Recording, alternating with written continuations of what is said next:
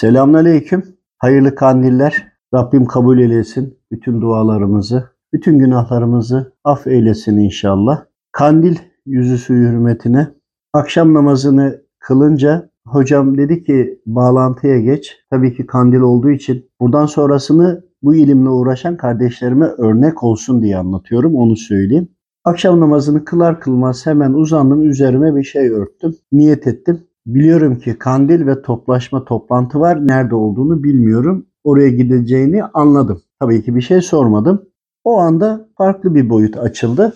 Hocam dedi ki Sinan'a git dedi. Sinan Hazretlerini kastediyor Çatalca'da. O anda orada olduk. Tabii Sinan Hazretleri'nin birçok talebeleri de var. Onlar da orada. Ve öyle bir kalabalık oldu ki o kalabalıkla beraber bir anda Hamza hocamın olduğu yere gitmiş olduk. Oraya gidince hocam başındaki büyük üzerinde ortasında yuvarlak arma olan deri üzerine bir kavuğu vardı. Onu çıkardı. Yani bir yöneticilerin veyahut da benzetme gibi olsun. Osmanlı padişahlarının başındaki gibi düşünün. Benzeri.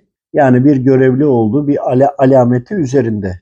Onu çıkardı. Sonra daha sade giydi ama onun üzerinde de kare deriden vardı. Sonra onu da çıkardı. Sade, ucu biraz sivri, çok e, fazla yüksek değil. Başının üzerine sade bir e, kavuk değil ama ancak bunu çizerek anlatabileceğim. Sade bir kavuk koydu. Yalnız uç tarafları biraz kalındı. Sonrasında bize de aynı şekilde onun daha sadesi, pes değil, kavuk değil, Başımızın üzeri kapalı haliyle alıyor ama az yukarıda ucu biraz sıfıra doğru üçgen gibi düşünün. Biter gibi ama tam sivri olmuyor. Ucu biraz daha üste gelince hafif düzleniyor. Sinan Hazretleri var. Biz varız. Bir başka talebesi daha var. Üç tane var. Ama geri kalan kalabalık dışarıda. Bana döndü. Dedi ki sen dedi yeşil ince şerit bağla dedi. Ama dedi bir buraya bir ortaya bir de üste dedi. Bağlandı çok ufak arkadan sallandı. Küçük bandana gibi düşünün. Şerit düşünün. Hemen anladım ki Hacı Bayram Veli Hazretleri oraya gidince bağlamıştı. Onu işaret ettiğini düşündüm ama onaylı değildir bu. Sormadım çünkü. Söylenenlerini yaptım her zamanki gibi. Bunun üzerine hocam asasını aldı. Asasını şeklinde çizerim inşallah. Yere bir vurdu. Vurduğu anda komple çok büyük bir cami yapı önüne indik. Hemen sordum burası nere diye. Çünkü sürekli bizi bilgilendiren zat olduğu için Bağdat dedi. Peki dedim neresi Bağdat'ın? Bağdat'ın en güzel camisi dedi. İçimden düşünüyorum. Diyorum ki demek ki burada olacak kutlamalar diye düşündüm. O arada üç basamak. Baktığımda çok geniş bir alan. Genişin önünde yapının boyu sıra neredeyse üç basamak var. Hani çok geniş bir alanda biraz yukarı çıkmak için düşünün boydan boya merdiven ama önümüzde üç basamak. Oradan yukarı çıktık. Arkadaki yoğun gelenler yani hocama bağlı olan talebeleri geride kaldı. Üç kişi bir de hocamız önümüzde. Dört kişi biraz yürüdük. Ondan sonra yedi basamaklı bir merdiven daha geldi. Oradan bir yapının içine girdik. İçine girince inanılmaz geniş bir yer. Yani dışarıdan onun genişliğini anlayamazsınız. İçerisi çok çok geniş. O kadar kalabalık ki göz alabildiğine hep insanlarla dolu. Göz alabildiğine geniş. Görevli içeri girince hemen sol tarafa doğru işaret ederek sizin yeriniz orası dedi. Çok orası da geniş bir alan. Oraya gittik. Gittiğimizde 10 bin kişilikti denildi. Bir kısmı içeri alındı. Hocamın arkasına doğru. Bu arada bizde e, bilgilendirmeler karşı söylenen değil de ayrı bir bilgilendirme hattı vardır sorduğumuzda hep. O andaki hissiyat Efendimiz Aleyhisselam sallallahu aleyhi ve sellem gelecekmiş. O kadar geniş bir toplantı var ki yeryüzündeki geçmişteki olan bütün e, davetlerin hepsi oraya gelebiliyor. Öyle düşünün. O kadar mutlu oldum ki çünkü oraya gelen zatlar hep Allah dostları düşündüm bize niye müsaade edildi? Rabbimin bu ikramının bir sebebi vardır diye ve buna da layık görmedik. Hani evet en arkalardayız ve hani hocamızın gölgesinde duruyoruz ama şimdi oradaki hocamızın e, manevi durumunu da daha da iyi anlamış olduk. Bunun üzerine bir kargaşalık oldu. Kargalaşalık olunca hissiyat burası bildiri değildir. İkisi farklı şeyler. Bunu unutmayın her zaman ayırırım. Hissiyat. Efendimiz Aleyhisselam sanki içeri girdi. Çünkü görme şansın yok oradan.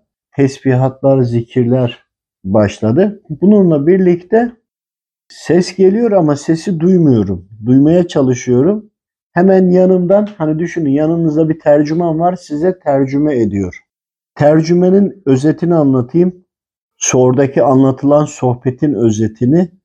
Sizin mücadeleniz nefisle, nefsin bir dışarıda olanı vardır, bir de içeri olanı vardır. Küçüğü dışarıdakidir, büyüğü içeridekidir denildi. O anda öyle bir hal oldu ki bu sefer oradaki anlatılanları sürekli bizi bilgilendiren zatın anladığından anlıyorum. Dışarıdakiler işte sokaktakiler veyahut da inanmayanlar, etrafımızdaki, dünyamızdaki gördüğümüz telaşlarımız, işte inancımıza saldıranlar, günah işleyenler, işlenen günahların sirayetleri. Bütün bunların hepsi küçük nefs, nefsle mücadele. Büyüğü içeride denilmesi de sizin kendinizle olan mücadeleniz. Yani içerideki öz kendi nefsinizle olan mücadeleniz en büyüğü, dışarıdaki şeytanların ya da şeytanlaşmışların veya günahkarların onların saldırıları onlara da karşı koymanız nefsinizin yani sizin küçük savaşınız. Efendimiz Aleyhisselam'ın veya o veyahut da oradaki sohbetin konusu buydu. Biz bittikten sonra tesbihatlar oldu, zikirler oldu. Çok inanılmaz bir manevi havaydı ki bitip çıktıktan sonra o kadar böyle gevşemiş, rahatlamış, kendimden geçmiştim ki yani zerre böyle kolumu kaldıracak olsam kuş gibi hissediyordum. Yani böyle hiçbir şey kalmamıştı. Ve oradan bitince ayrılıyoruz denildi. Ayrıldık. Bu arada en başa dönelim. Hocamın yanına gidince gidiyoruz denildiğinde elinde bir asası vardı. Asaya ya Allah dedi, Bismillah dedi, vurdu. Vurunca biz o anda Bağdat'a gitmiş olduk. Çünkü gittiğimizde burası neresi diye sorduğumda Bağdat denilmişti. Tekrardan orada o şekilde bir vurdu. Başka bir yere geldik. Sonrasına da Sinan Dede Hazretleri'nin oraya yine geldik. Sümül Efendi Hazretleri'nin kardeşi Çatalca'da. Oraya geldiğimizde hocam kısa bir Sinan Dede Hazretleri kısa bir nasihat etti. Sen de ayrılabilirsin dedi, müsaade etti ve biz oradan çıktık. Bunu ilmin içindeki olan teyit edebilecek kardeşlerimize söylüyorum. Sonradan da e, telefonla görüştüğüm ve başka görüştüğüm kardeşlerimiz bu ilmin içinde olanlar da aynı şeyleri söylediler. Bunu bilin, buna göre hareket edin. Çünkü herkes kendine göre bunları bir şekilde algıladı ya da bu gece algılayacak Allah'ın izniyle. Peki buradan ne anlamalıyız diye düşündüğümüzde Efendimiz Aleyhisselam'ı anlamamız gerekiyor. Bunu anlamamız gerekiyor diye değil. Söylediklerini, hadis-i şerifleri iyi anlamamız gerekiyor. Öncelikle şöyle söyleyelim. Efendimiz Aleyhisselam'ın doğumudur. Evet, doğduğunda bugün bize bayramdır. Bir görüşe göre bayram denir. Hatta bayram günü oruç bile tutulmaz diye görüş vardır. Bazı görüşte e, kandil olarak kutlanır.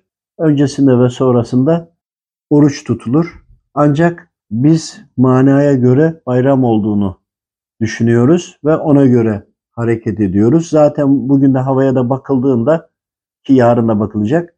Zaten bir bayram coşkusu olduğunu göreceksiniz. Bunu da unutmayın, bunu da gözlemleyin Allah'ın izniyle. Peki doğum günü kutlanır mı derseniz dinimize göre doğum günü kutlamak yasak değil. Efendimiz Aleyhisselam'ın doğumunda kutlamak gerekli, çok önemli. Aynı şekilde ümmeti olarak biz de doğum günümüzü kutlayabiliriz. Ancak kutlamamız değil, kutlama şeklimiz hatalı olabilir. Yani içilenlerle veyahut da farklı alemlere gidilerek yapılan kutlama şekilleri uygun değil ama dualarla, ibadetlerle, zikirlerle olan bu kutlama uygundur. Neden derseniz yeryüzüne geldiniz. Efendimiz Aleyhisselam'ın ümmeti olarak geldiniz. Düşünün kainatın sultanı dünya. Dünyanın sultanı da Efendimiz Aleyhisselam. Efendimiz Aleyhisselam'ın da kardeşlerim dedikleri bizleriz. Dostları, sahabeler soruyorlar biz kardeşin değil miyiz deyince siz benim diyor ashabımsınız yani dostlarımsınız. Ama diyor onlar diyor kardeşlerim görmeden bilmeden benim dediklerimi uygulamaya çalışanlar ki böyle bir saldırıların altında. Biz eğer Efendimiz Aleyhisselam'ın kardeşleriysek ki öyle olduğuna inanıyorum. Efendimiz Aleyhisselam'ın da doğum günü kutlanıyor. Biz de kutlayabiliriz. Ancak kutlama şeklimiz yanlış olabilir ya da bunun doğrusunu yapabiliriz. Buna göre olması gerekir. Peki Efendimiz Aleyhisselam'ın doğumunu kutladığımızda, kutlamak istediğimizde nasıl bunu anlamalıyız? İşte Efendimiz Aleyhisselam'ın önce hadisi şeriflerine karşı savaşmamak gerekir.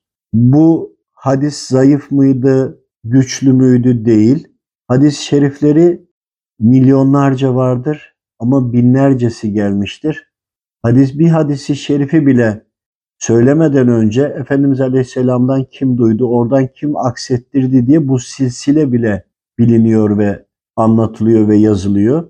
Oysa bizler işin erbabı ve uzmanı değiliz ama biz kendimize göre bunu eleştiriyoruz ya da bu e, hadisler hakkında konuşuyoruz. Bu çok yanlış.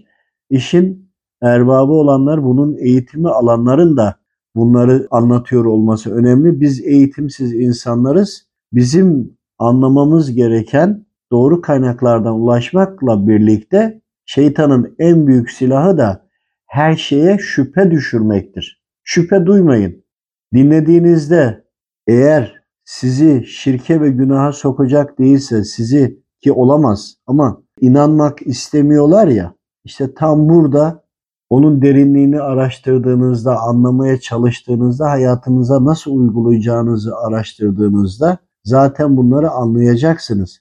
Hadisi şerifleri ortadan kaldırmak istiyorlar ki Efendimiz Aleyhisselam'ı kaldırabilsinler.